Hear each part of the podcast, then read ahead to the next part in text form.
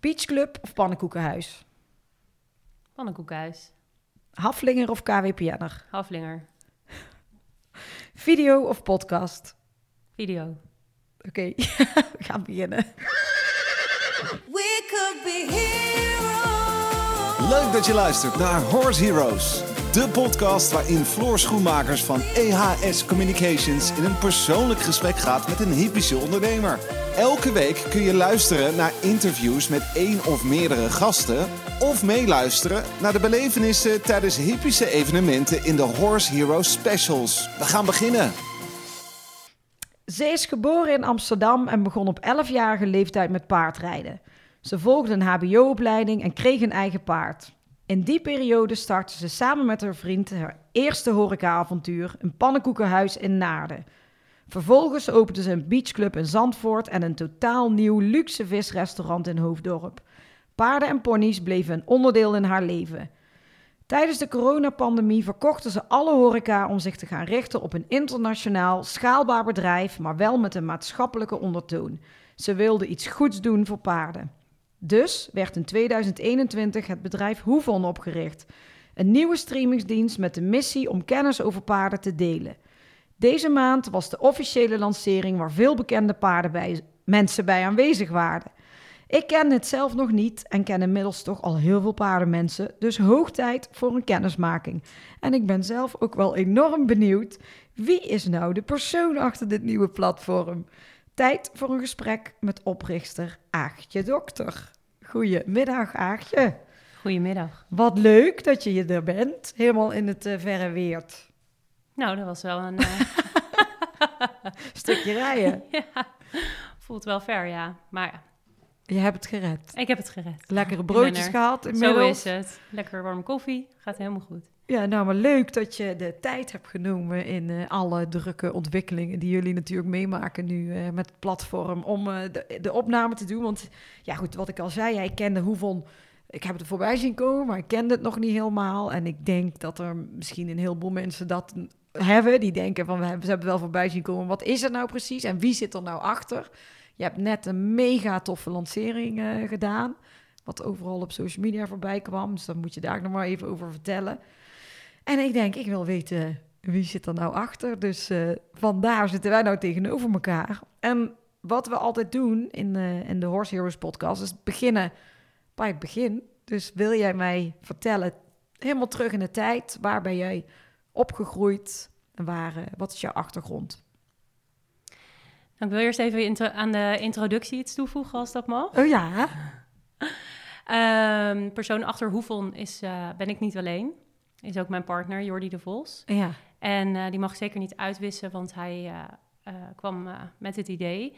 Ehm, het is mijn passie, dat klopt inderdaad. Maar Jordi is minstens, eh, zo niet misschien wel belangrijker in deze, in deze oprichting. ja. Dus die eh, moet ik alle dat moet je zeker geven. doen. Oh, superleuk. Nou ja, daar gaan we daar ook uitgebreid over Ja. hebben. Maar eh, ja, jij bent...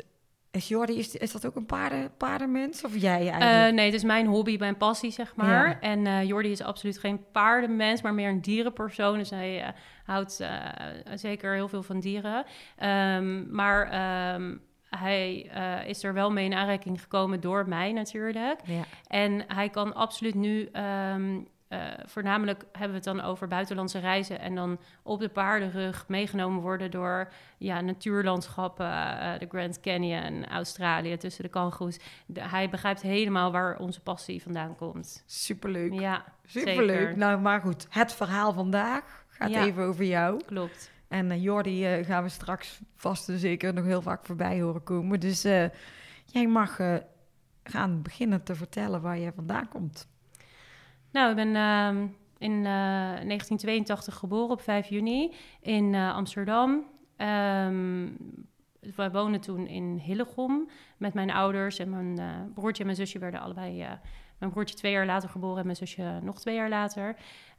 Daar ben ik opgegroeid in Hillegom. Ehm, ja, dat was een eh, periode eh, waarbij mijn ouders, die komen uit onderwijs... wij voornamelijk eh, eh, veel mochten studeren. Ja, Dat vonden zij heel erg belangrijk. Ehm, dus geen ondernemers oh, en ook geen paardenmensen. Zij hebben ook niks met paarden verder. Ehm, ik ging op een gegeven moment naar het ateneum en ehm, wij fietsten, ik en mijn vriendinnetje, mijn beste vriendinnetje, altijd langs een, een boerderijtje met een huisje en zo. En hadden ze één pony, ja, totaal zielig natuurlijk nu als je dat weet. Maar goed, wel heel veel andere dieren erbij. Hadden ze één pony. En daar fietsen wij elke dag langs. En ehm, nou ja, ondanks dat ik gewoon het ateneum eh, deed, gingen wij toch elke dag ook eh, naar die pony toe om die te verzorgen. Ja. En toen was ik een jaar of eh, elf, geloof ik, twaalf. Ja, en daarvoor heb ik eigenlijk nooit... eh, ja, ik wilde altijd heel graag iets met dieren, met paarden. Eh, ik vond eh, ook altijd de bio-industrie echt heel erg zielig. En, en ik wilde daar ook altijd graag iets voor betekenen. Maar ja, ehm, toen dacht ik, nou, dan moet ik voornamelijk maar gewoon goed mijn best doen op school. Dan eh, kan je misschien wel dierenarts worden Ja, of zo. maar het bleek dat ik niet zo goed was in die, eh, in die B-vakken. dus die droom die moest ik maar snel laten varen. Maar die pony, eh, ja, die is altijd wel echt een rode draad geweest in mijn leven. Want dat was een haflinger. Ja, dat Wat? klopt. Ja, ja. Daar begonnen we toen mee met verzorgen en uiteindelijk natuurlijk ook rijden. En eh, nou, na heel lang zeuren mocht ik dan ook eh, in de manegelessen rijden van mijn ouders. En eh er was een manege in de buurt, dus daar reden we dan met de pony naartoe. Nou, dat was dan best wel spannend over straat, dus dan moesten we het ruiterbewijs halen. Dat was toen nog... eh, Ja, oh ja, dat klopt. Ja. ja, ja. Ehm, dus dat, eh, dat gingen wij ook doen. En uiteindelijk gingen we dan ook wat wedstrijdjes doen met die pony. En dat was echt fantastisch. En ook mee naar het strand zonder zadel en zo. Nou ja, dat was echt, echt geweldig. Ja. Dus daar heb jij de, de beginjaren, jouw jeugdjaren met deze pony eh, altijd gereden. Ja, ja, klopt. En eh, wat gebeurde daarna? Welke, welke opleiding ging je doen? Eh, nou, ik heb tot en met drie ateneum gedaan en vervolgens ging ik naar de HAVO. Daar stond ik zelf niet zo achter, maar de- dat gebeurde. En ehm, deze pony werd toen ook verkocht en niet aan ons. Ehm, Och. m- ja, aan familie van hun, geloof ik. Eh, uiteindelijk, eh, eh, na een paar jaar kwamen we de pony pas weer tegen. En dan stond ze op zo'n manege met zo'n, in zo'n stand. Nou, echt heel zielig, allemaal met zo'n ketting om haar hals. En dan ging ze dagelijks met de toeristen naar het strand. Oh, echt? Ja, dus mijn vriendin en ik zijn daar nog echt heel vaak langs geweest. Ik denk elk half jaar, want vaker konden we het niet aan om ons telefoonnummer achter te laten en geld te bieden voor die pony. Maar we mochten er niet kopen. Want ja, ze was natuurlijk heel waardevol voor deze manege. Ehm, en ik deed ondertussen de HAVO. En ehm, ja, ehm, uiteindelijk ben ik toen eh, HBO gaan doen. En toen heb ik ook mijn partner leren kennen, Jordi. Eh, dus dat is inmiddels al heel lang geleden. En ehm, van Jordi kreeg ik uiteindelijk mijn eerste paard. Maar wat ging je voor een opleiding doen op het HBO? Ik ging een opleiding doen. ehm, ik heb er diverse gedaan. Dus dat, Oh, ik ben begonnen met HBO toerisme ja. op het TIO. Eh, dat heb ik een jaar gedaan. En daarna ben ik ehm, rechten gaan doen een jaar. En uiteindelijk ben ik gestrand bij het CMV. Dat is culturele maatschappelijke vorming. En, en op welke van de drie heb je Jordi ontmoet? Dat weet ik niet meer precies. nee, dat weet ik niet meer precies. Maar het was ook niet op de HBO dat ik Jordi leerde kennen. Dat was in de. Ik werkte daarnaast natuurlijk eh, als eh, ja, voor bijverdiensten, zeg maar, naast Ja. de studie. Eh, eh, een bijbaantje. En ik, werk, ik eh, ja, begon gewoon te werken in de horeca. Dus eerst als afwasser. En toen mijn ouders die kochten op een gegeven moment een huis in Nieuw-Vennep. En dat was naast een, een soort van kroegachtig iets. Dus daar ging ik werken dan als Ja, logisch. veel te jong. ja, dus dat was, ehm, dat was heel tof. En daar heb ik heel lang gewerkt in die kroeg. En daar leerde ik ook Jordi kennen. Ja.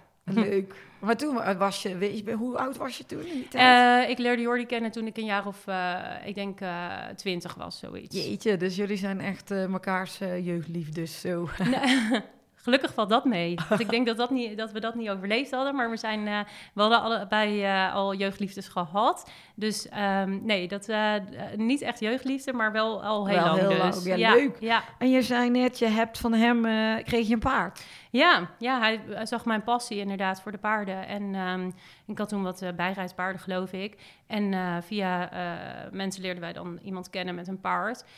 Bijzonder verhaal, want zij was terminaal ziek, die mevrouw. En die zocht gewoon heel lief mensen voor haar paard. Zodat als zij overleed, dat, we, dat dat paard wel een, goede, goede, een goed thuis kreeg. Ja. En dat was een, een KBPN'er van Jazz. En um, ik was daar uh, meteen wel echt heel uh, gecharmeerd van. En uh, samen met mijn zusje hebben we dat paard toen uh, ja, een paar jaar gehad. Goed verzorgd, elke mm. dag gereden. En die kregen wij van Jordi inderdaad. Wat ja. leuk. Ja, En jazz, ja, jazz Ja. zijn ook leuk. Oh, en, eh, en deze heb je toen een aantal jaar gehad. En ja. Wat is er met de paard gebeurd? Nou, dat is niet zo'n heel leuk verhaal. Hij had zijn hele pees afgescheurd. Dus we hebben Oh. samen, ja, inderdaad, eigenlijk de dag dat ik eh, de sleutel kreeg van mijn pannenkoekenrestaurant in Naarden, wat ik met Jordi ging openen, eh, tekenden wij alle papieren. En toen kreeg ik een telefoontje dat zijn pees was afgescheurd op het land. Ehm, toen heb ik gezegd, eh, ja, dan moet je nu de dierenarts bellen en, en hem uit zijn lijden verlossen. En dat hebben ze niet gedaan. Ze hebben hem volgestopt met medica- medicatie. En ehm, ik kwam daar s'avonds en toen leefde hij nog. En toen hebben we hem s s'nachts eh, met de hulp van de dierenarts laten inslapen. Jeetje. Ja. ja, dat was niet zo leuk. Nee, oh, Nee. Dan was het eh, op dezelfde dag? Die ja, dat was, ja, ja, dat loopt soms zo. Ja, ja. ja. Dat is met paarden, maar eh, daarom zo. Ja, dus altijd eh, als je paarden hebt, heb je zorgen. En ehm, op het moment dat ik bij een notaris zit met papieren te tekenen, dan kan je gewoon niet weg. Hoe graag je dat ook wil. En ik zat ook aan de andere kant van het land, dus het had- was ook geen optie op dat moment. En een paard wat lijdt, moet je naar mijn idee gewoon helpen. Ja, Maar ja, ja. Oh ja heftig. Ja, dat, dat, was, eh, dat was echt heel, heel verdrietig. En Jordi vond dat ook heel erg toen. Ehm, Maar ja, het hoort er ook bij. Maar jij zei, eh, je, je hebt Jordi ontmoet dat jij als bijbaantje na het HBO bij, een, eh, bij, dat, bij, de, bij de kroeg werkte. Hè? En nu zit je al op het verhaal dat jullie samen een pannenkoekenhuis hebben geopend. Hoe, eh, hoe is dat gegaan? Ja, wij werkten dus allebei in de horeca als bijbaan. Jordi heeft ook gewoon, nou ja, zijn HBO, ik geloof com- commerciële sporteconomie heeft hij gedaan. En ehm, ja, wij eh, vonden het ehm, eh, leuk samen om te ondernemen, denk ik. En wij zagen, graag, ja, wij zagen allebei wel de charme van de horeca. Eh, ook dat het niet ons eindstation zou zijn, maar wel heel tof om gewoon zelf te gaan proberen. Eh, dus toen zijn we samen tot de conclusie gekomen om eh, te kijken of wij iets in de horeca konden gaan eh, opzetten. Ja, Dan eh, geen kroeg, zoals waarin ik heb- werkte, zeg maar. De natte horeca, dat vond ik te heftig. Er waren vaak veel vechtpartijen en het is natuurlijk ook eh, vaak diep in de nacht. En ja. dat is best wel heftig. En je werkt ook wel eh, bepaalde niet fijne dingen hou je in stand, zeg maar. alcoholisme en dat soort dingen. Dus daar was ik ook niet, daar stond ik niet achter. En Jordi werkte in veel luxere zaken. En dat vond ik ook niet fijn. Dat je de hele dag in, hè, best wel in, in strak in pak of zo moet lopen. Dus wij wilden iets gezelligs. En dat eh, bleek dus een pannenkoekenrestaurant te Ja. zijn. dus wij zijn gewoon op zoek gegaan. We hebben heel Nederland afgezocht. En zelfs nog stukjes Duitsland, België. Voor het juiste pannenkoekenhuis. En dat kwamen wij tegen in een eh, vervallen, oud, dood, eh, failliet pannenkoekenrestaurant. Of een restaurantje eigenlijk naast Speelpark Oud Valkenveen in Naarden. ja. En daar zagen wij wel wat in. Dus we hebben ehm, heel veel mensen kunnen overtuigen om te investeren in ons op dat moment. En ehm, toen konden we met dat beetje geld, eh, eh, ja, daar eh, Dat die, pandje opknappen. ja, die exploitatie kopen, inderdaad. Het pand konden wij niet kopen, helaas. Dat was van de familie Bottini. Dus dat, dat is een oude circusfamilie, zeg maar. met Oh, zo'n hele, ja, hele renbaan. Zo'n oude renbaan zat er nog om Oud-Valkenveen heen. oh, wat De gaaf. paarden van vroeger, inderdaad. Ja, en ehm, deze circusfamilie was nogal verdeeld, zeg maar. Dus dat pand hadden wij nooit kunnen kopen. Nee. Ehm, maar we, dat was voor ons een mooie kans om daar te beginnen. En eh, we hebben daar echt een heel tof pannenkoekenrestaurant van gemaakt. In, het oude bos, eh, in de oude bossen van Naarden. En ehm, ja, ik leerde daar, eh, hè, want mijn paard was dan inmiddels overleden. En wij gingen dat gewoon opzetten met z'n tweeën. Hoe oud waren jullie? Eh, ik denk eh, 21 dus, inderdaad. Ja. Jeetje, wat leuk. En dan echt samen. Echt samen. En dat ging gewoon, dat was eigenlijk vanaf dat jullie zijn gestart goed gegaan. Nou, dat ging niet helemaal goed. Oh, Eh, wij wisten helemaal niet wat, hoe je een pannenkoek moest bakken. Nee. Op, dat, ik best belangrijk wel. op zich best belangrijk. Daar hadden we ons even niet in verdiept. Want eerst moest dat geld er komen en de mogelijkheden om, eh, om dat te openen. En eh, die pannenkoeken bakken, dat, ja, nou ja, dat moest dan maar snel open. Want ik weet dat we het overnamen en we zijn op 1 september toen open gaan. En we namen het echt een paar weken daarvoor over. Dus dan moet je wel, je gaat daar de winter in. Dat pannenkoekenrestaurant was wel afhankelijk van die speeltuin daar, Ja. zeg maar. Dus, ehm, nou ja, we zijn daar eh, aan de slag gegaan. En op de dag dat we open gingen, dat was op een zondag, dat weet ik nog wel goed, kwam er ook veel familie langs en zo. En dat was echt helemaal slecht geregeld. Want er kwamen echt zoveel mensen en dat konden wij helemaal niet aan. nog helemaal niet allemaal het personeel. Nog Nee, niet... nee, ik had een heel klein beetje personeel, maar veel te weinig. Dus ik had eh, ja, hulptroepen ingeschakeld van mijn eh, familie. En eh, ja, dus mijn moeder in de afwas, mijn vader achter de bar. Nee, het was echt heel erg groot bord buiten, buiten gesloten. En dan konden we toch op die manier onze omzet draaien. En ik denk dat wij die eerste dag, nou, daar waren wij heel trots op toen, zo'n 1500 euro hadden omgezet of Ja. zo. Ja, nou leuk toch? Heel tof, ja. Maar wel een grappige herinnering. Ja, Maar ja, en da- daarbij, daar zijn jullie zo gestart. Je zei in het begin eh, was het allemaal eh, moeilijk. Hoe lang hebben jullie het pannenkoekhuis gehad? Ja, we hebben dat eh, op de kop af precies vijf jaar gehad. Ehm, wij wisten al na een jaar of twee, drie dat wij dachten van nou, dit is heel tof, maar de exploitatie alleen daar word je verder, daar kan je doel- doelen niet mee gaan bereiken in het leven. Ehm, en we wilden echt iets gaan opbouwen. Ja, dan moet je naar een situatie dat je dus echt een, een pand hebt. Ehm, en dat konden wij dus niet krijgen, bleek achteraf. Want ja, die familie was veel te verdeeld. Dus wij hadden dat nooit kunnen kopen. Ehm, dus eh, dat hebben we eerst geprobeerd. En daarna, eh, toen bleek dat we niet konden kopen, hebben we de exploitatie te koop gezet. Eh, we hebben toen even meegedaan in een programma Harry XXL of zo. Met Oh, Herman de echt? Blijk. Oh, echt waar? Daar keek ik naar.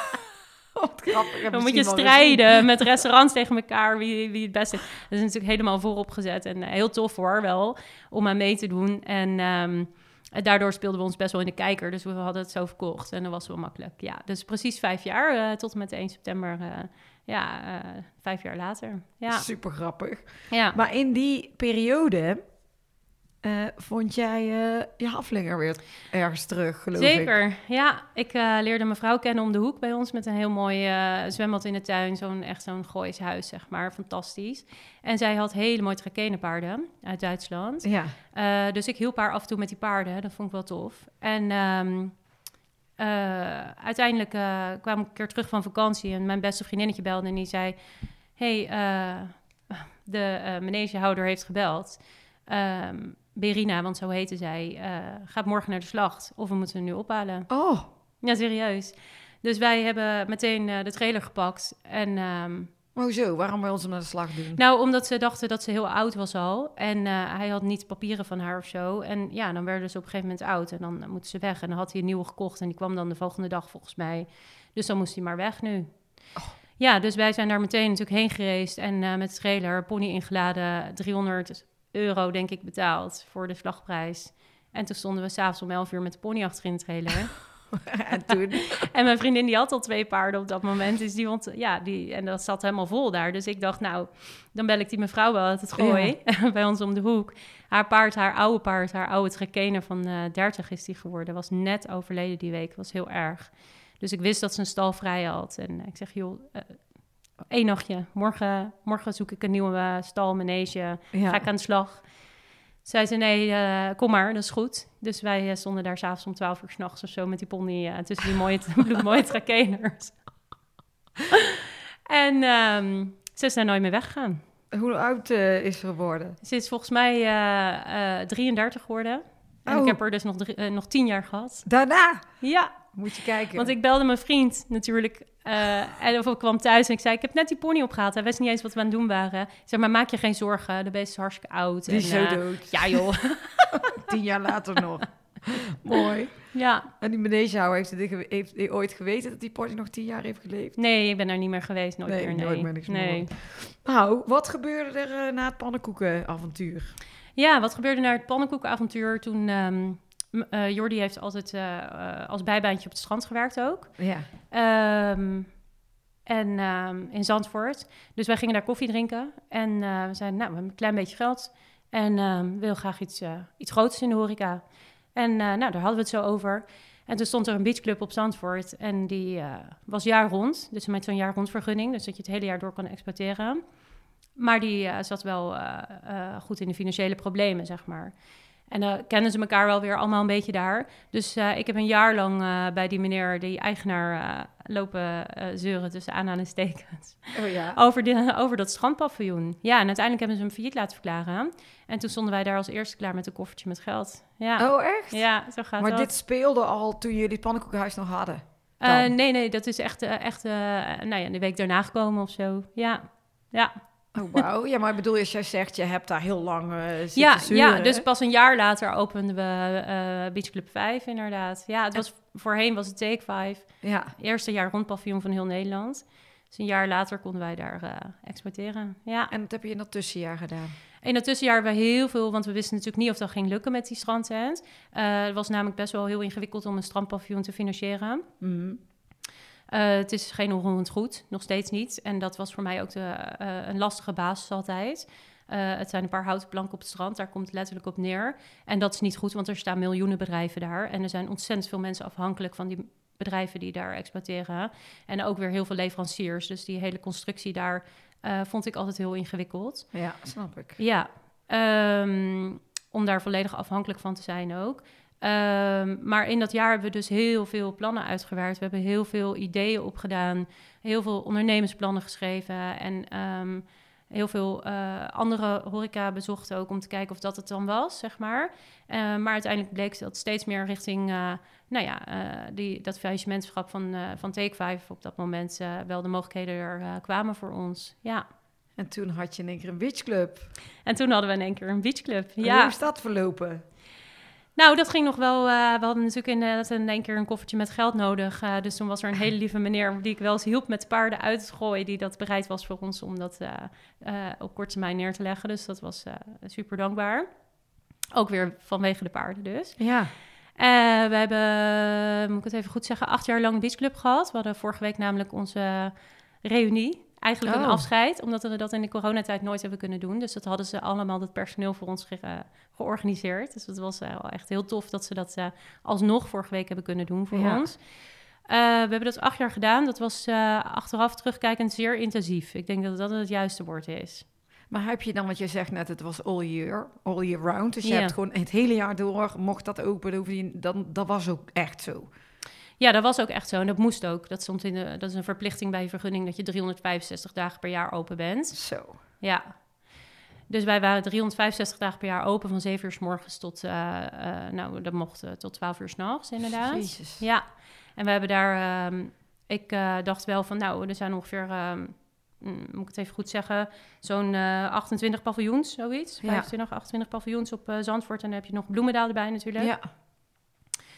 En eh, je hebt natuurlijk maar een paar eh, echte stranddagen op één hand tellen zo ongeveer. En de een jaar wat meer dan de ander. En daar moet je dan je brood verdienen. En dat is best wel eh, lastig. Zeker met veel, veel concurrentie. Ehm, dus wij dachten, we moeten een unique selling point Ja. gaan maken daar. Ehm, en eh, ik had bedacht dat, omdat onze beachclub verdeeld was in verschillende areas, zeg maar, eh, compartimenten eigenlijk een beetje, dacht ik van nou, dan gaan we een extra tak erbij doen binnen onze beachclub. En dat is dan bruiloft te organiseren. Dus dan wilde ik de grootste van Nederland worden eh, voor, ja, voor huwelijken, zeg maar. Leuk. Nou, dat is uiteindelijk, ja, zeker. Ja, dat was heel leuk, maar ook wel heel veel eisend. Ja. Want het is maar één dag en alles moet perfect op één dag. En eh, het perfecte leven bestaat niet. Nee, maar jij zegt, je wilde de grootste zijn die bruiloften organiseert op het strand. Ja, in Nederland. Oh, Ja. wauw. En dat is uiteindelijk gelukt, maar ik wilde eigenlijk ook de grootste bruiloft, de locatie van Nederland zijn natuurlijk. Ja. Maar dat is wel ingewikkeld. En ik geloof dat we uiteindelijk tweede zijn geworden bij eh, nou ja, zo'n platform wat er dan... eh, ja. Wat het dan is. ja, precies. Ja, Wat gek. ja. Maar ehm, dan bij, waar woonden jullie in die, in die tijd? Nou, wij woonden gewoon waar wij eh, moesten ondernemen. Dus wij woonden op dat moment in Zandvoort ook. Ja, Ja. we gingen heel snel verhuizen van het Gooi naar Zandvoort. En ehm, ja, eerst wel in een of ander klein kamertje waar de muizen nog liepen en zo. Uiteindelijk wel naar een normaal huis in Zandvoort, dus dat scheelde wel. En uiteindelijk wilde ik wel iets verder bij mijn werk vandaan wonen. Dus eh, uiteindelijk zijn we in Vogelenzang eh beland. Ehm, ja, dat, eh, dat, dat was een hele intensieve mooie tijd. Ja. Maar dan heb je het nu over acht jaar, hebben jullie die beachclub gehad. Eh, Welke leeftijd hadden jullie je ermee begon? Nou, dat was eh, dan een leeftijd van een jaar of 26, 27, denk Dan ik. moet je het kijken dat jullie zo 28? jong samen eigenlijk Ja. zulke stappen hebben gemaakt. En ook elke keer weer nieuwe dingen bedenken. Nou ja, bij, eh, bij het pannenkoekrestaurant zeiden natuurlijk heel veel mensen tegen ons van dat moet je niet doen en dat is risicovol. Toen dacht ik, nou ja, dat moet je nu juist wel doen, want ik heb niks te verliezen, alleen een oude open combo of zo. Ja. En eh, let's go, we hebben geen kinderen, we hebben geen verantwoordelijkheden, dus juist nu is de tijd. En eh, met de beachclub ook. Ik wist, ehm, eh, we waren ons heel bewust van het feit dat wij onze handtekening zetten bij de notaris, waarbij wij wisten dat we het geld eigenlijk niet konden terugbetalen aan de bank. ja. Want er moest echt wel een wonder geschieden om die eh, omzetten omhoog te krikken. Ehm, we namen gewoon echt een, een keiharde failliete boedel over. En ehm, om die weer uit het slop te trekken. En vervolgens daar ook nog een goed verdienmodel tegenaan te zetten. En die omzetten moesten echt nou, voor driedubbeld worden, misschien wel voor vierdubbeld worden, hadden wij echt wel een flinke eh, stappenplan nodig, inderdaad. Ja, En dat hebben jullie zelf eh, in dat jaar daarvoor helemaal eh, uitgedokterd. ja, dat hadden wij ook wel uitgedokt in het jaar daarvoor, maar het overviel ons ook wel een beetje dat in één keer zo'n faillissement komt en dat je dan in één keer ervoor de keuze staat van je koopt het nu of niet. Ja. Eh, en dan krijg je hier de sleutel en de bitterballen zitten nog in het vet en de sigarettenpeuken lagen echt overal door het pand heen. Ehm, dus je krijgt het letterlijk echt de zooi van een ander. Ja. Ja, jeetje. Ja, maar dat is wel ondernemen, hè? En dan Ja. gewoon opruimen en gewoon vol goede moed. Gewoon de vol gas in. Rechts, eh, ja, het gaspedaal zit rechts. Maar het is, eh, bedoel, het, waarom is het toen failliet gegaan? Weet, weet je dat? ja, ja, ja, dat weten wij wel heel goed. Ja, de faillissementschap kwam voort uit, ehm, eh, uit eh, ehm, zeg maar, zij hadden die, dat schampaviljoen als allereerste jaar rond paviljoen neergezet als try-out. Ja. En ehm, als jij als in je eentje daar op het strand staat, dan heb je natuurlijk heel veel klandizie. Maar op, het moment dat het een try-out project is en de eerste twee jaar jij overloopt van klandizie, maar daarna komen er steeds meer bij, dan loopt dat natuurlijk terug. Ja. Maar dan heb jij wel al heel veel personeel aangenomen. En die kan je niet zomaar morgen op straat zetten. Nee. Dus zij zaten vast aan torenhoge personeelskosten. En daarnaast hadden zij het idee dat het een luxe strandpaviljoen moest worden. Met kreeft en dat soort dingen allemaal. Maar jij weet, ja, eigenlijk weet iedereen dat het strand is afhankelijk ook heel erg van het weer. En op het moment dat jij allemaal dure kreeften inkoopt, maar die niet kan verkopen, dan heb je een hele hoge waste. Ja. Ja, dat ga je niet kunnen goedmaken. Nee.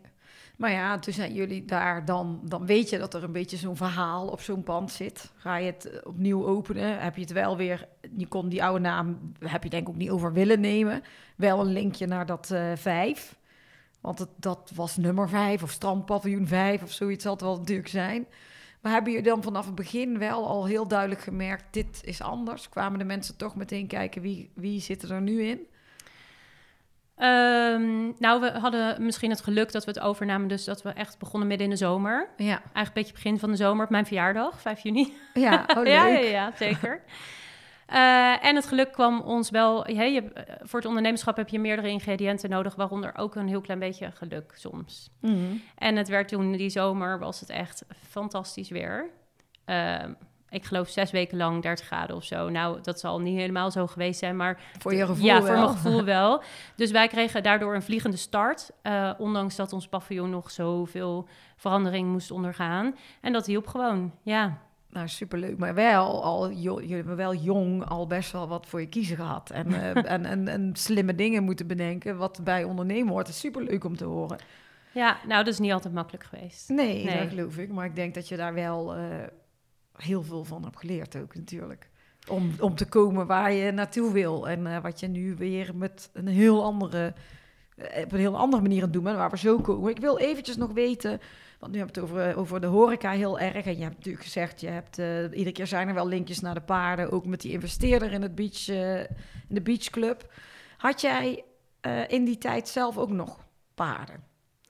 Ja, ik kreeg toen dus, die pony tijdens het, met dat pannenkoekenrestaurant. Ja, die ik de haflinger. pony, die haflinger Haflinger.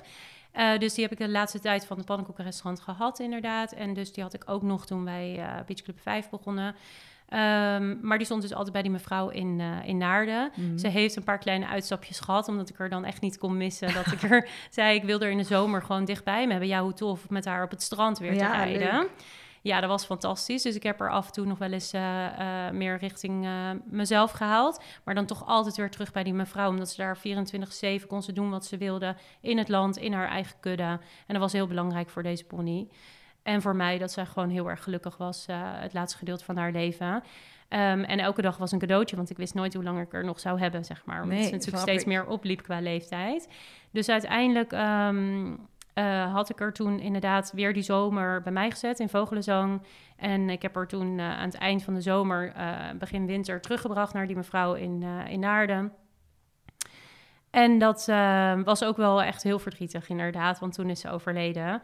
Ehm, ze is toen wel 33 geworden, maar de dag dat ik aankwam om te kijken hoe het met haar ging, ehm, toen eh, had de boer er uit het land gehaald, want die zei, ja, ze lag in het land. Nou, dat is niet normaal, dat deed ze nooit. Dus toen kwam ik op stand, toen zag ik het al meteen aan haar. Ze was helemaal, ehm, ja, eh, gewoon echt, echt doodziek, zeg maar, Mm. op dat moment. Zware koliek, zo zwaar dat ze niet eens meer ging liggen. Ze heeft meteen een, een dierenarts in de buurt gebeld en gezegd, nou, dit is de situatie, moet nu komen. En die eh, wilde eerst natuurlijk nog eventjes eh, wel onderzoek doen. En ehm, nou, dat vertelde de dierenarts allemaal in de auto. Ik zei, nou, dat, hè, ik heb die pony, die ken ik 33 jaar, dat is niet meer nodig. Ik weet nu dat het wel klaar is. Dus die, ja, dat was heel verdrietig, want mijn zoontje van één, die was daarbij. Hmm. Eh, die kon ik op dat moment ook niet kwijt. Want ja, eh, waar ga je die laten? Ik woonde in Vogelenzang, maar ik was op dat moment in Naarden. En die mevrouw was er zelf ook bij, maar die gaat ook niet met hem naar binnen, want die wil ook gewoon de pony steunen. En ik denk, ja, dit is ook het leven, dit hoort erbij. Je bent maar gewoon bij ons en we zijn gewoon met z'n allen heel erg verdrietig. En dat is wat het is dan. Ja, Oh, en hij was daarbij. ja. En toen hebben we het laten inslapen en toen bleek dat ze echt een hartslag van, ik weet niet, volgens mij richting de 200 had of zo. Oh, Ja, en eh, ze zweet zich helemaal kapot en ze ging gewoon hartstikke dood. En eh, die arts heeft daar gewoon even, eh, nou ja, hè, uit haar nou, maar lijden wel fijn dat je erbij was. Zeker. Heel fijn dat ik erbij was. Heel fijn dat het niet in de nacht is gebeurd. En fijn dat we er ook met z'n allen konden zijn voor haar.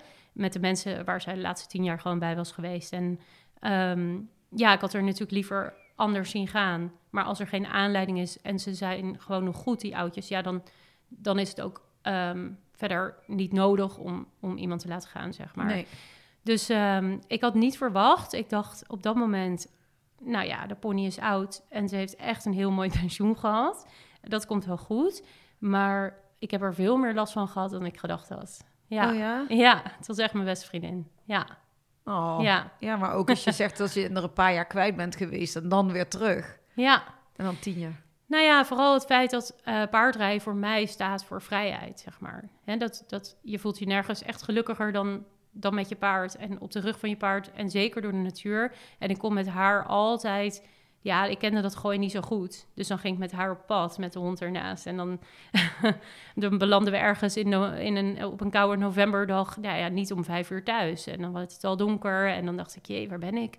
En die hond ging dan ook gewoon niet terug. Nee. Dus dan, ja, dat was nog eh, echt een beetje anders, zeg maar. De Google Maps, die, die werkte daar dan nog niet zo goed ook allemaal. Dus een- vaak dat ik en, inderdaad thuis kwam en dat die mevrouw zei... nou, volgende keer mag je dan wel even aangeven dat er niks met jullie is.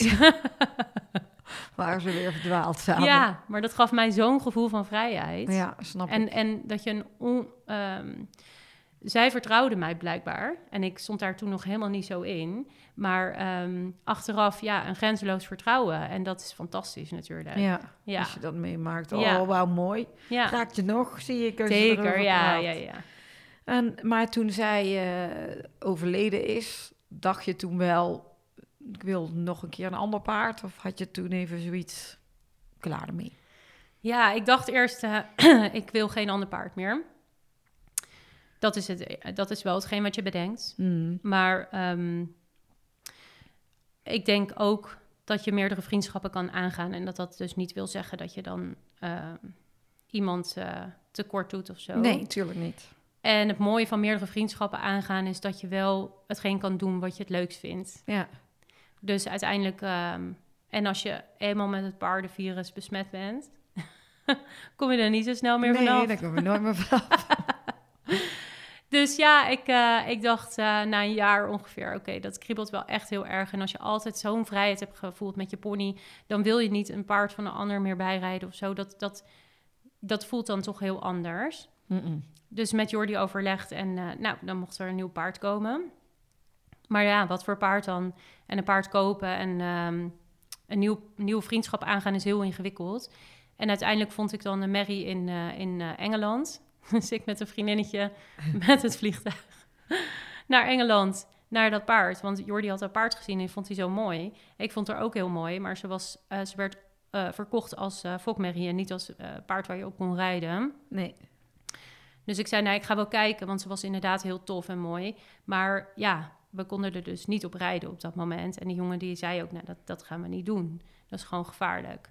Maar ik dacht ergens toen nog, had ik een soort van eh, ehm, idee... dat je dat dan misschien toch nog wel een keer voor elkaar kan Ja. krijgen of zo. Nou, die illusie ben ik nu wel armer. geprobeerd, maar... eh, We hebben het geprobeerd. Ik heb niet zelf geprobeerd. Ik heb er naar een stal gebracht waar iemand anders dat ging doen. Want ik dacht, ik heb nog wel verantwoordelijkheden nu. Nu wel, zeg maar. ja. Horeca, eh, een zaak, ehm, personeel waar je verantwoordelijk voor bent. Een kind had ik toen al waar ik verantwoordelijk voor was. Eh, dat, dat kan ik niet doen, zeg maar. Omdat ik dat nou zo graag wil proberen en denk dat ik dat dan maar kan of zo. Nee, ik dacht, dat kan ik niet. Laten we maar niet doen. Laten we dat maar niet doen. Maar we wilden ook wel heel graag een veulentje. Dus dat hebben we gedaan. We hebben er wel een veulentje mee gevolgd. Ja. En, ehm, en we hebben geprobeerd erop te rijden. En na eh, een, een tijd besloten dat dat niet de beste optie was voor deze merrie. Nee, we hebben nooit echt een vinger erop kunnen leggen. En ik denk ook dat zij absoluut lichamelijke problemen had. Dat weet ik zeker, want dat is ook aangetoond. Alleen dan werd weer niet aangetoond dat dat dan het probleem was. Nee. Dus dat is wel heel ingewikkeld. Ehm, uiteindelijk bleef, bleek ook een gedeelte hoefkatrol. Maar daarvoor, hebben, eh, daarvoor hadden we het veulentje al. Dus nou ja, je kon er ook dus niet meer mee fokken. Eh, de, ja, lastig allemaal. Ehm, uiteindelijk hebben we besloten samen met de dierenarts om haar als draagmoedermerrie in te zetten.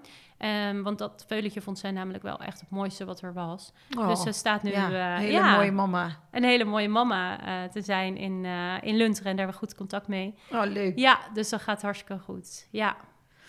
Nou, en toen kwam er weer een ander avontuur. Toen kwam er weer een ander avontuur. Toen kwam namelijk corona. En ehm, in de coronatijd eh, met horecazaken is wel... eh, hè, met de horeca sta je sowieso al voor uitdagingen. Het is best wel ad hoc altijd. Ehm, je moet behoorlijk eh, zeg maar vooruit denken altijd met de horeca. En de mensen die in één keer kan het druk zijn of in één keer is het rustig. En je moet heel erg anticiperen op de momenten dan. Maar ehm, toen kwam corona en dat is de reden dat Jordi en ik ondernemer zijn geworden... is voornamelijk om zelf te kunnen bepalen, zeg maar. En zelf je koers te kunnen bepalen. En als ik hard werk, dan krijg ik daar ook wat voor. En als ik het nalaat, dan meestal niet, zeg maar. Ehm, maar ik kan wel zelf de weg bewandelen en die ook uitstippelen.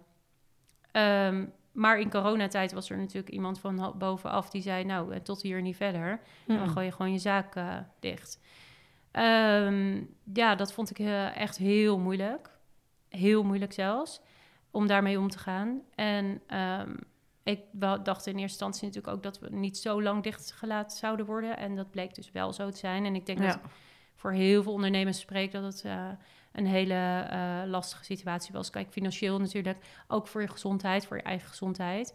Ehm, financieel voor de toekomst, wat gaat er gebeuren? Eh, hoe ga je daarmee om? En ehm, ja, dat, eh, dat, dat, eh, dat was wel heel, heel, heel ingewikkeld in die tijd, inderdaad. Je voelt je ook super verantwoordelijk voor al personeel. Ik geloof dat wij 120 mensen op de loonlijst hadden staan. Nou ja, wat ga je daarmee doen, zeg maar? Ja. Ja, ja, want je had, jullie hadden eh, natuurlijk de, de strandtent, een Zandvoort, maar je hebt ook nog een visrestaurant geopend. Ja, net voor corona hadden we inderdaad ons eh eh, gecommit aan een eh, restaurant in Hoofddorp. Eh, een mooi oud fort, zeg maar, het eh, Eerste Wereldoorlog. Ja. Toevallig, dit fort was het fort waar de eh, paarden uit de Eerste Wereldoorlog allemaal Oh, werden weer een linkje naar de paardengraaf. Heel tof. Het zijn denk ik wel hele kleine paardjes geweest, want het fort is best wel laag. Hoe ze- hoe ze dat gedaan hebben, inderdaad. Dat het hele andere soort paarden waren. Eh, ja, daar hadden wij ons eh, aan eh gecommit. En eh, daar hadden wij dat hele fort verbouwd met z'n allen. Lifter in, een keuken erin, nou, vol in. Zoals wij dat altijd doen. En de dag dat wij... we hadden hem op 1 april 2020 zal dat dan geweest zijn... Mhm. om hem toen te openen. Een grote opening met alles erop en eraan. Maar ja, half maart mocht je natuurlijk dicht Ja. half maart gesloten inderdaad. En ehm, ja, dat, eh, toen werd overigens ook net mijn veulentje geboren. Dus dat was echt helemaal alles tegelijk, zeg maar natuurlijk. Dat is altijd zo. Ehm, ja, dat, dat restaurant hebben wij... eh, eh, ja, als je daar een, eh, mooie chef aanneemt... en die is alleen maar kartonnen bakjes aan het vullen... dat Ja. is natuurlijk heel vervelend inderdaad. Ja, dus alles bij elkaar was dat voor ons... de Beach Club 5 wilden we al verkopen. Want precies om de reden wat ik net zei... die basisvoorwaarden op het strand zijn wel... ehm, eh, die staan wel te wankelen, zeg maar. Ik vond dat een groot probleem. Ik heb gekeken of er mogelijkheden waren om toch eh, eh, het onroerend goed naar je toe te kunnen trekken... als in dat het echt daadwerkelijk ook wordt bestempeld als... onroerend goed. Ehm, maar dat is een hele lange verandering die daar nog lang, ja, die hopelijk eh, gaande wordt gemaakt. Maar die ik niet zo snel zag gebeuren. En om dat als basis te hebben, vond ik best wel instabiel. Ja. Ehm, ook was ons paviljoen al, eh, ja, gewoon wel echt, eh, nou ja, toe aan, ja, in ieder geval wij waren ook toe aan ehm, eh, een andere uitdaging, de volgende stap. Zoals we dat eigenlijk wilden, wat we zeiden al in het begin van, het is niet ons einddoel geweest, de horeca, we wilden echt iets anders. Maar uiteindelijk wel vermogen vergaren binnen die horeca, hetgeen wat wij op dat moment deden, waar we volgens mij wel enigszins nog eh, goed in waren, om daar vermogen te vergaren voor het echte grote bedrijf. Ja. Dus vandaar dat we met Beach Club 5 al bezig waren om het te verkopen.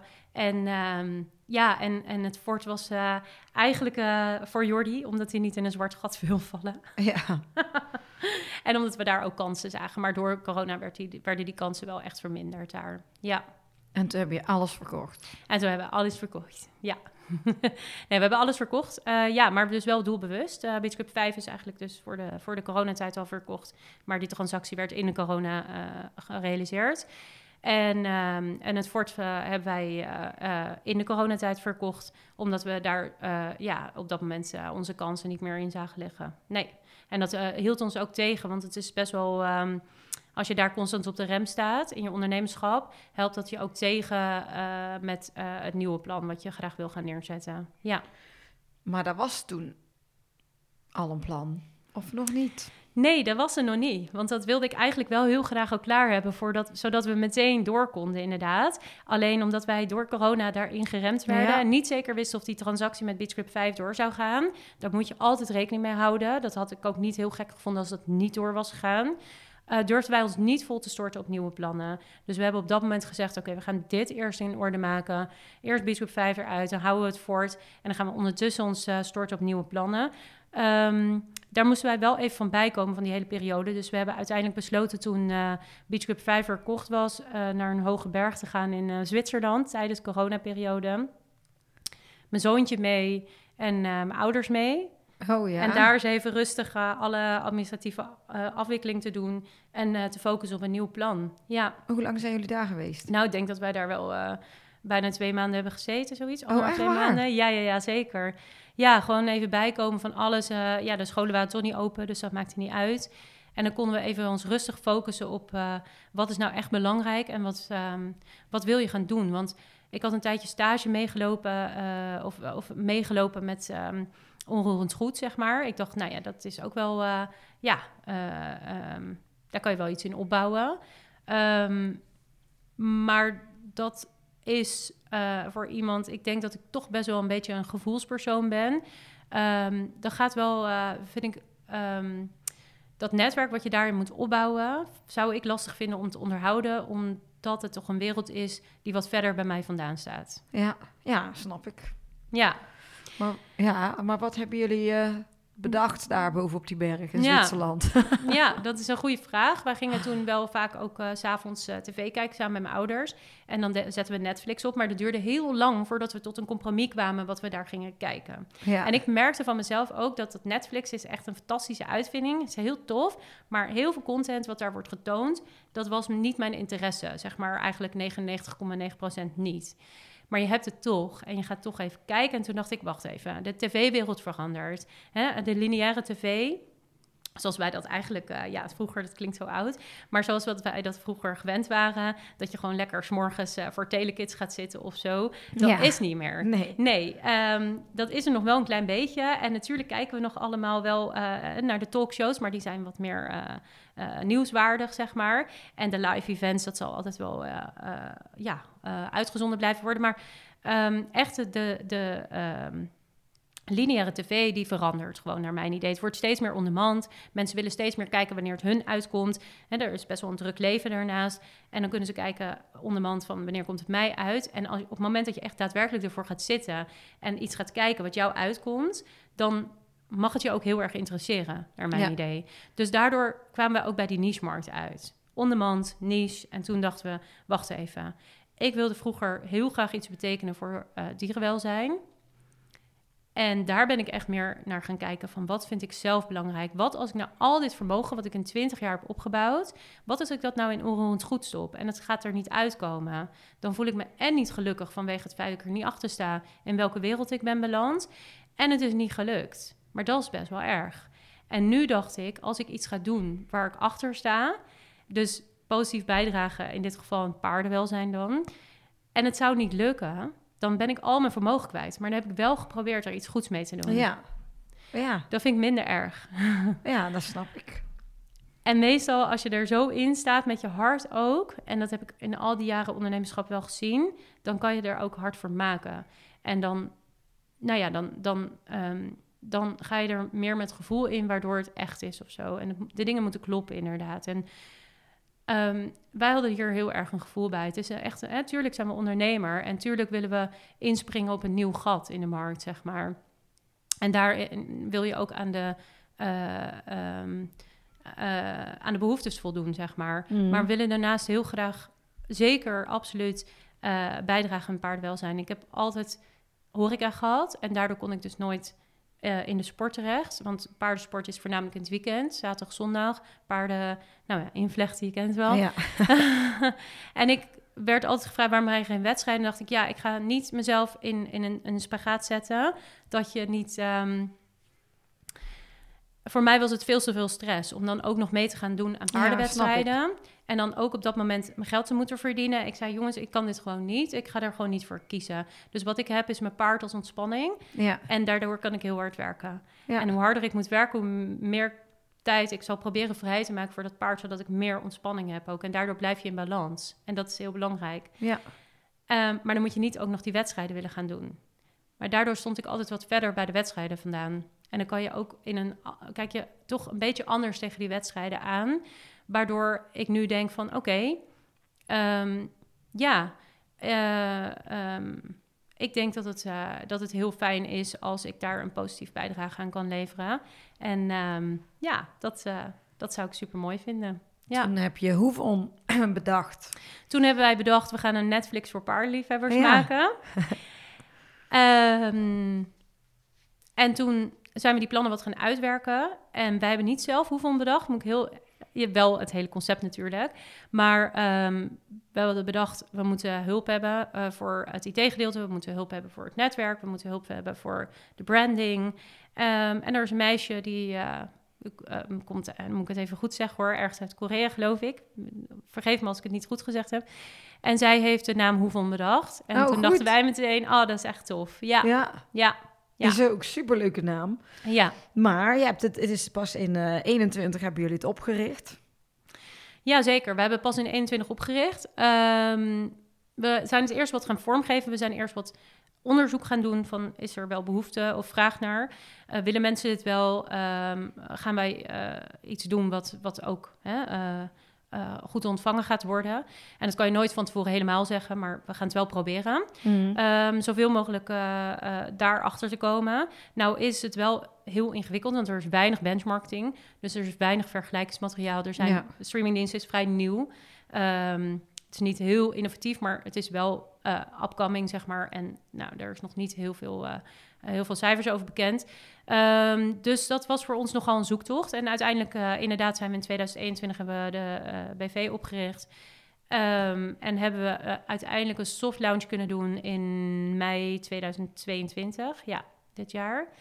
Daar hebben we naartoe gewerkt en kijken gewoon, hè, wat doet het? Wordt het omarmd? Kunnen we de mensen bereiken? Vinden mensen het leuk? Wat moet er meer, meer bij? Wat, wat vinden ze belangrijk? Ja, En dus waar, dat. waar, waar ben je mee begonnen? ja, we zijn dus echt letterlijk begonnen met ehm, ehm, mensen om ons heen verzamelen. Omdat wij ook wel zagen van, eh, dit is best wel groot of zo.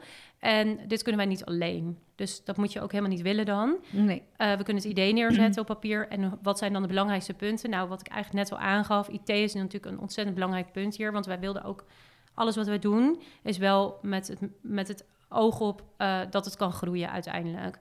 Ehm, dat er schaalbaarheid in zit. En dat het van ons is ook. Dat vind ik ook altijd heel belangrijk. Dat hebben we ook geleerd. Dus we zijn begonnen eh, met de IT. Om te vragen van, kunnen jullie dit bouwen voor ons? Is het mogelijk? Waar moeten we op letten? Ja. Eh, hoeveel geld gaat het kosten? Eh, geef eens een prototype aan ons. En nou ja, ga eens aan de gang. En toen zijn we daarna begonnen met de branding. Dus een klein IT-gedeelte, maar dat uitgewerkt. En vervolgens de branding op gaan starten. Toen de IT erachter. Eh, netwerk hebben we opgedaan. We eh, zijn de samenwerking gaan zoeken met eh, Anne Meester van Hippic Projects. Ehm, zij heeft ook een communicatiebureau inderdaad. En ehm, zij heeft een groot netwerk in de, in de hippische wereld. Dat heb ik niet, want ik, ja, het is mijn hobby. Maar ik Mhm. heb geen netwerk in de hippische wereld, wat dat betreft. Dus daar heb ik Hippic Projects bij betrokken. En ehm, overigens merk ik wel dat de, kennis over paarden eh, wel eh, redelijk volgens mij aanwezig is. Door al die jaren toch met verschillende soorten paarden te hebben mogen eh, genieten, zeg maar Ja. doe je toch wel veel, veel kennis op. En ehm, de marketing is natuurlijk ook een heel belangrijk onderdeel. En zeker de online marketing. Het is gewoon een apart vak. Daar Ja. hebben we ook eh, samenwerking opgezocht. Dus daar zijn we naartoe gegaan en hebben we gevraagd of zij onderzoek voor ons wilden doen. Dus we hebben doelgroeponderzoek gedaan, Facebook-onderzoek, dat soort dingen allemaal. En dan blijkt toch dat de paardenwereld best wel groot is in Nederland. ja, die is heel groot. En Vlaanderen, moet ik erbij zeggen. Ja, zeker. Ja. En eh, nu, wat zijn de plannen? Je hebt een mega eh, lancering gedaan. Ja, ik moet eigenlijk, eh, als je het toch over de paarden hebt, nog eventjes eh, terug in de, in de paardenwereld. Want de Mary hadden we natuurlijk eh, hè, laten gaan als draagmoeder Mary. En toen, nou ja, paardenvirus. Ik wilde ook wel weer graag een paard dan toch voor mezelf. Ja. Dus dat, ehm, die heb ik nog aangeschaft, of aangeschaft, ja, gevonden, gelukkig, in de coronatijd. De laatste dag dat mijn draagmoeder, of dat die, dat die Mary er was, die uiteindelijk dus eh, hem, eh, draagmoeder Mary ging worden, ehm, heb ik mijn pols nog eh, flink gebroken. Oh. slash ja, dat was even niet zo, eh, niet zo handig allemaal. Ehm, dat, eh, er was een ongeluk met die Mary inderdaad. En ehm, ja, ik wilde toch wel heel graag weer een, eh, een nieuw paard. Dus daar ben ik naar gaan zoeken. Ik vond dat ook een hele moeilijke zoektocht, moet ik zeggen. Ik werd daar best wel verdrietig van, wat ik allemaal tegenkwam. Echt letterlijk kreupele paarden die werden voorgesteld. En dan, nou ja, dat vond ik gewoon heel erg om dat mee te maken. Ja. Ehm, uiteindelijk eh, mijn vriend gevonden die natuurlijk niet te koop stond. Heel vervelend allemaal. uiteindelijk heb ik hem mogen kopen, dus dat was echt heel fijn. En ehm, ik, heb hem, eh, ik zag hem en hij is veel te groot voor mij. En hij was ook echt heel jong. En hij was, ehm, het was alles wat ik niet zocht, zeg maar. Ja. Maar dat zal je altijd zien. Het was een eh, eh, net vierjarige hengst uit Spanje die net een paar dagen er was. En ik had mijn pols gebroken en ik had, ja, ik vroeg of ik erop mocht rijden en dat mocht wel. En ik was doodsbang, want door de merrie was ik heel bang geworden. ja, snap ik. En ik zag hem en ik dacht, nee, ik doe dit zelf wel. Ondanks dat ik eh, nog in het gips zit, eh, ik stap er gewoon op. En dat is eigenlijk een beetje wat we... Hè, we hadden net hiervoor een gesprek voordat we de podcast opnamen. Ehm, het, het Iberische ras geeft je het gevoel dat het oké is. Ja. Ja, en met zijn vier jaar kon hij mijn angst eh, wegnemen. Ja, de- maar dat is, ja, dat is zo mooi aan inderdaad die, die Iberische paarden.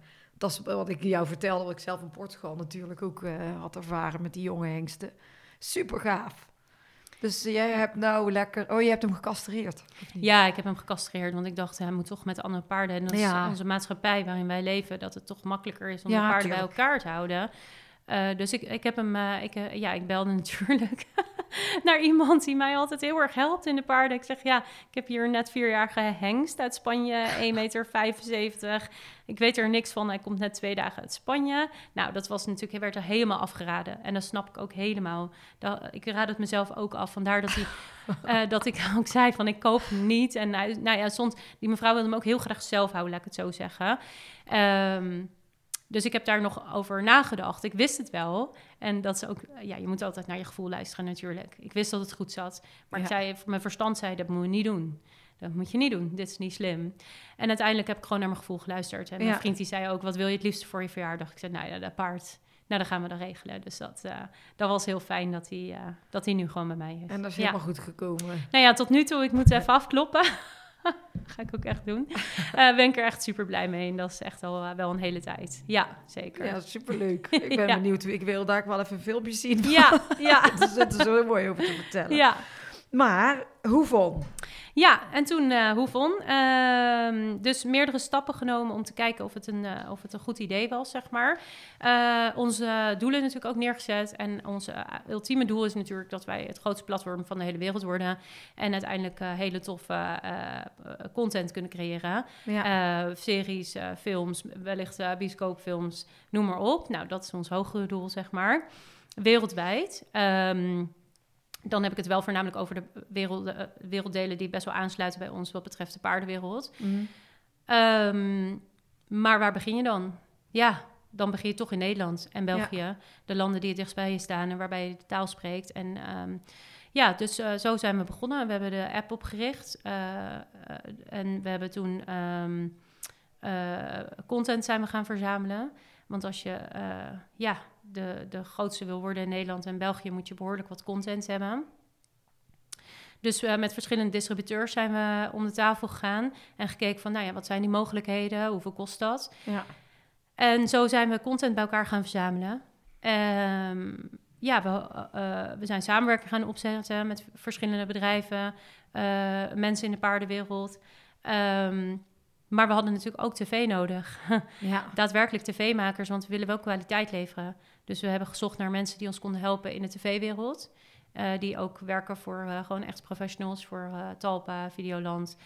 Ehm, om te kijken of we daarmee samen content konden maken. En dat is gelukt. ja, superleuk. Ja, en dat, dat, dat, dat kan altijd beter natuurlijk. En dat, daar, daar gaan we steeds meer in, in groeien. Ja. Maar dat is super tof, inderdaad. En wat wij voornamelijk willen laten zien is de band tussen mens en paard. Ja, dus je hebt ehm, ehm, je, op het platform kun je ook film, bestaande films kijken. Want bijvoorbeeld die film eh, van Silverstar en zo, die zijn eh, bij jullie te zien.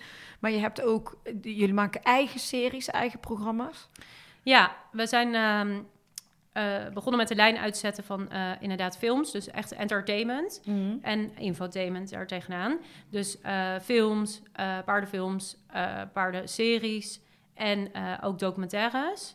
En daarnaast onze eigen originals inderdaad, eh, die we zelf maken. En dat zijn voornamelijk series. Ik vind altijd dat eh, de content binnen de paardenwereld... ehm, dat eh, het loopt uiteen van inderdaad paardenfilms... En hele droge trainingen, om het zo maar te zeggen. Ja. En eigenlijk niet zoveel daartussen.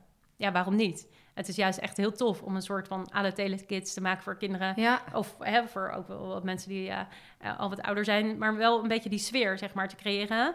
En dan dat je ondertussen er toch wat van kan leren. Dus infotainment, zeg maar. ja en, en dat zijn gewoon jullie eigen programma's. Maar is het bijvoorbeeld ook, eh, je hebt natuurlijk een heleboel eh, de YouTubers waar wij ook veel mee werken, hè, de accounts die een eigen YouTube-kanaal hebben. Is het ook dat de, die meiden die bijvoorbeeld daar hun eigen serie hebben, dat dat wordt uitgezonden via Hoevon?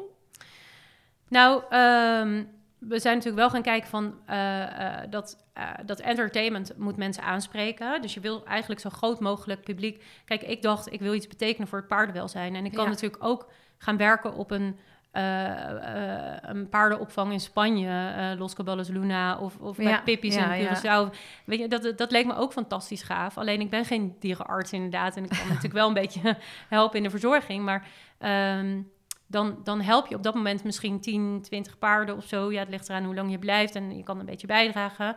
Maar als je echt kennis wil gaan verspreiden Ja. en bijdragen aan het paardenwelzijn... en dan denk ik dat het veel belangrijker is om heel veel mensen te gaan bereiken. Ja. Hoe gaan wij heel veel mensen bereiken? Nou, dat kan dus middels de media. En zeker eh, eh, eh, met de mogelijkheden die wij nu hebben in de media en met internet, kan je heel veel mensen gaan bereiken. Ehm, dus vandaar dat, dat dat entertainment gedeelte is echt om zoveel mogelijk mensen naar ons toe te trekken natuurlijk. En hè, te kunnen voorzien in hele toffe eh, entertainment.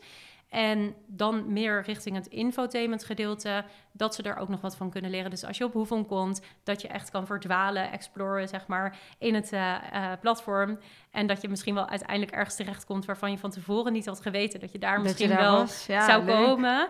En dat je dan denkt, oh, maar oh, dat is tof. Dat wist ik eigenlijk niet of zo, weet je wel. Dat, Ja. dat, dat is echt heel fijn om te weten. En dat zou ik ook zo kunnen doen bij mijn paard misschien. Of misschien kom je dingen tegen die je al lang wist. Dat je denkt, nou ja, dat, dat, dat wist ik al. Maar het is wel fijn om nog extra te benadrukken... dat dat eh, daadwerkelijk ook door andere mensen zo wordt gezien, bijvoorbeeld. Ja. En wil je ook eh, bijvoorbeeld gaan streamen op evenementen en zo?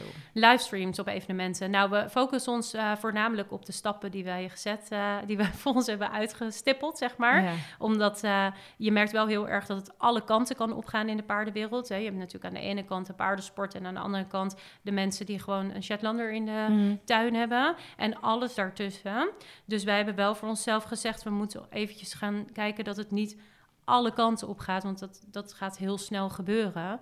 Ehm, dus laten we ons focussen op de belangrijkste prioriteiten. Nou, onze belangrijkste prioriteit op dit moment is de tv-app. Ja.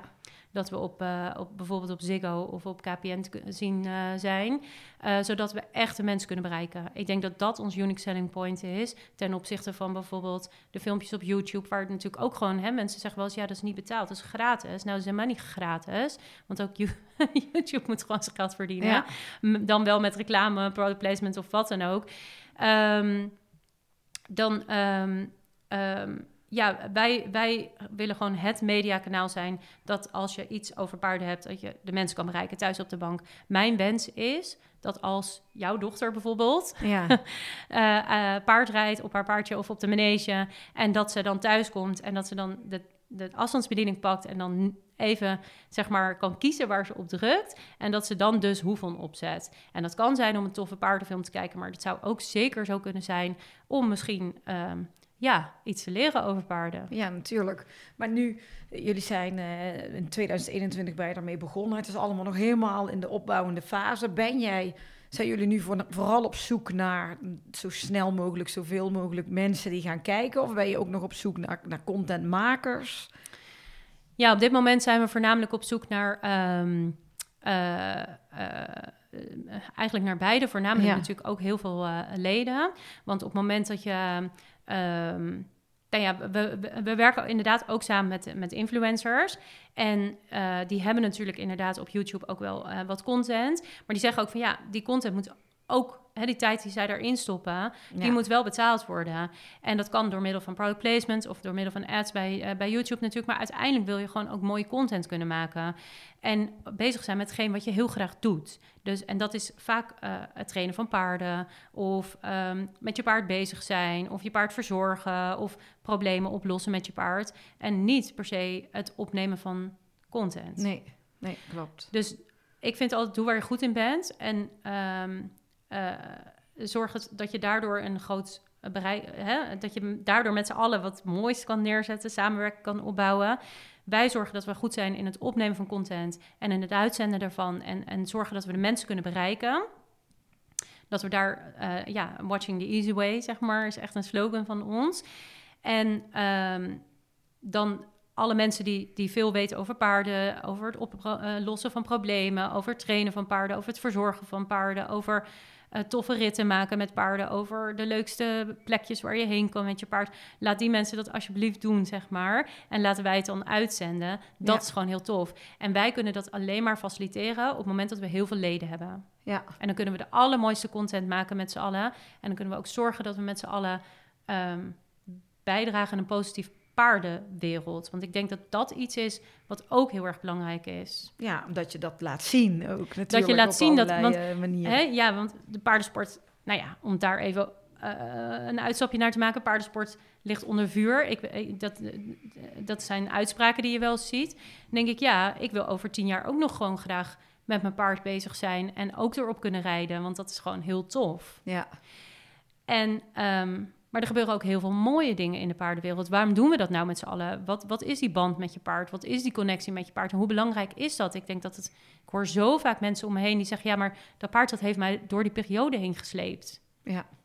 Ja, dat, dat, dat is ook. En ik denk dat dat is wat, je, wat jij gaat doen met hoeveel in beeld allemaal te laten zien wat voor een verhaal er zijn. Wat ik vaak ook probeer met de podcast, met die sporters, door dat te laten horen. Want er is, er is zoveel te vertellen. En ik denk het super is dat je dat eh, op die manier ook gaat doen in beeld en, en op een verzamelplek. Dus ik vind het wel echt super tof wat jullie hebben bedacht. Dan kom je zo uit die horeca. Eigenlijk komt corona eraan, bam, zo'n idee en gewoon gedurfd en ermee begonnen. Wel echt heel, heel gaaf. Dankjewel. En hoe, hoe ziet de toekomst eruit?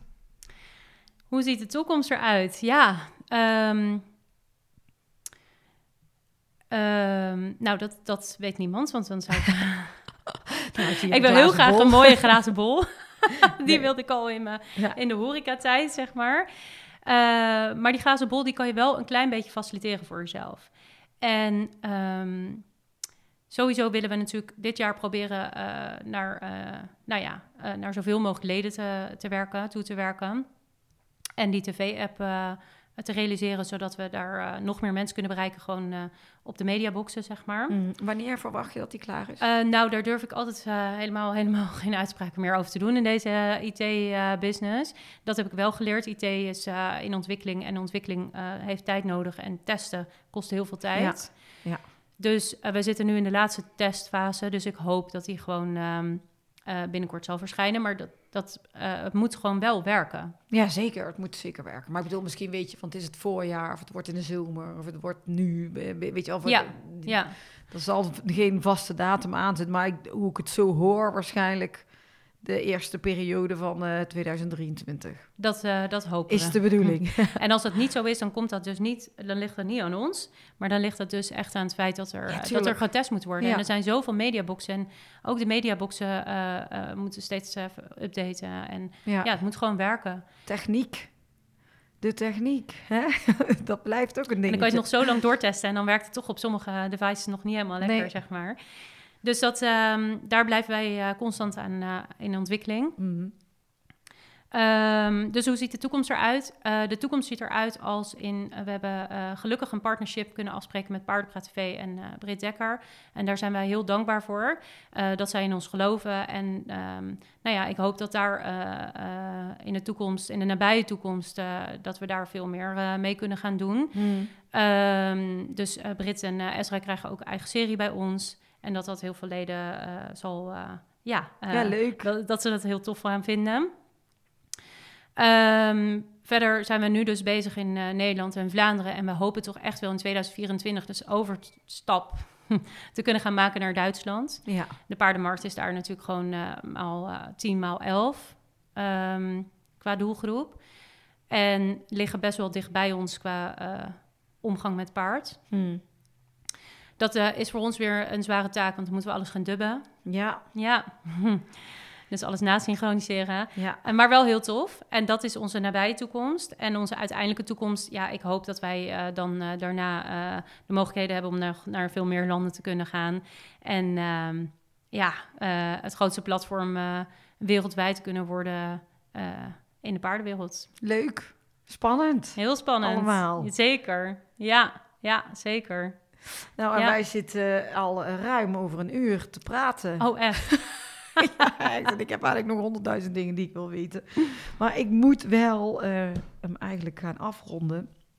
Want ehm, ik, probeer, ik probeer die podcast altijd binnen een uur te houden. Maar als Ja. het zo'n verhaal is, dan is dat toch leuk. Je hebt zo- zo'n inspirerend verhaal en heel het ondernemersstuk. Dat is toch wel heel leuk om te horen weer. Als mensen nu dingen willen weten van, eh van Hoevon, waar kunnen ze kijken? Waar kunnen ze jullie vinden overal al? Nou, ze kunnen ons vinden op www.hoevon.com en dan slash ride is de startspagina als je nog niet eerder op Hoevon bent geweest.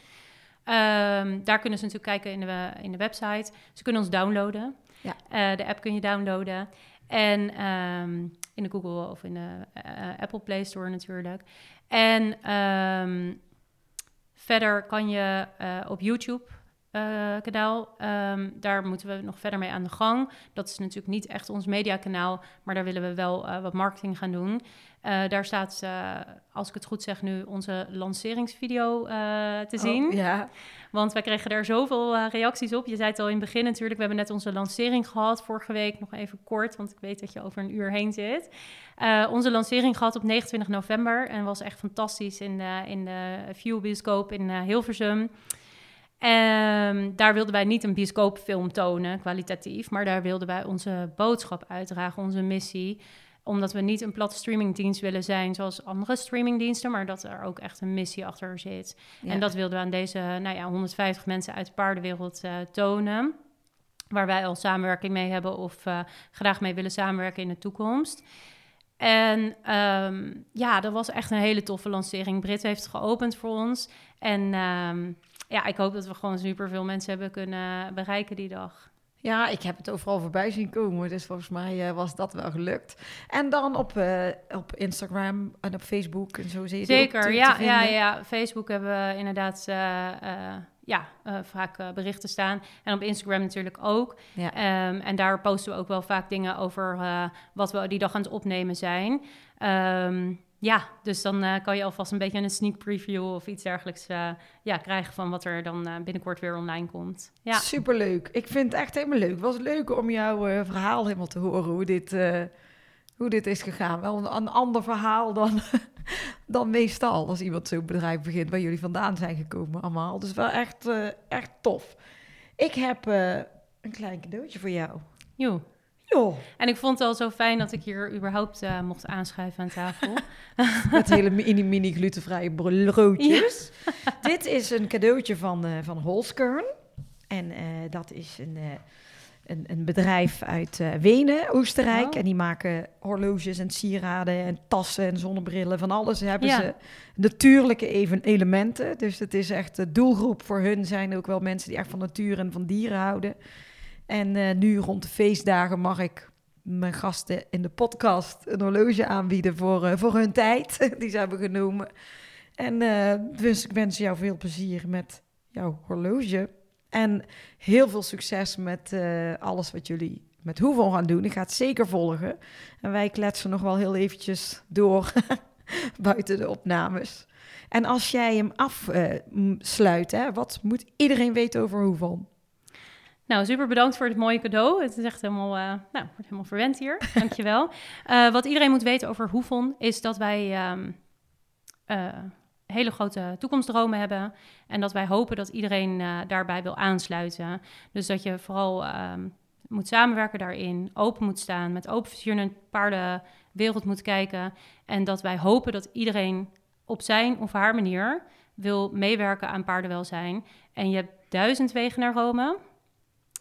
En ehm, iedereen kiest er één en stapt soms over naar een andere weg. En dat is prima. Ehm, en ik denk als je eh, op een respectvolle manier met elkaar omgaat, dat er heel veel dingen mogelijk zijn. En juist daardoor met als doel, eh, als je dat paardenwelzijn ook betrekt daarin, meeneemt, dat je eh, enorm veel kan bereiken. En dat we dan met z'n allen gewoon lekker kunnen genieten van deze fantastische hobby. Slash sport. Super mooi gezegd. Dankjewel.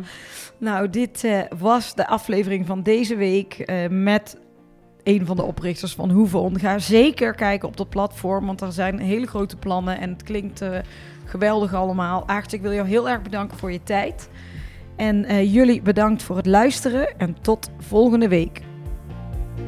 We could be heroes.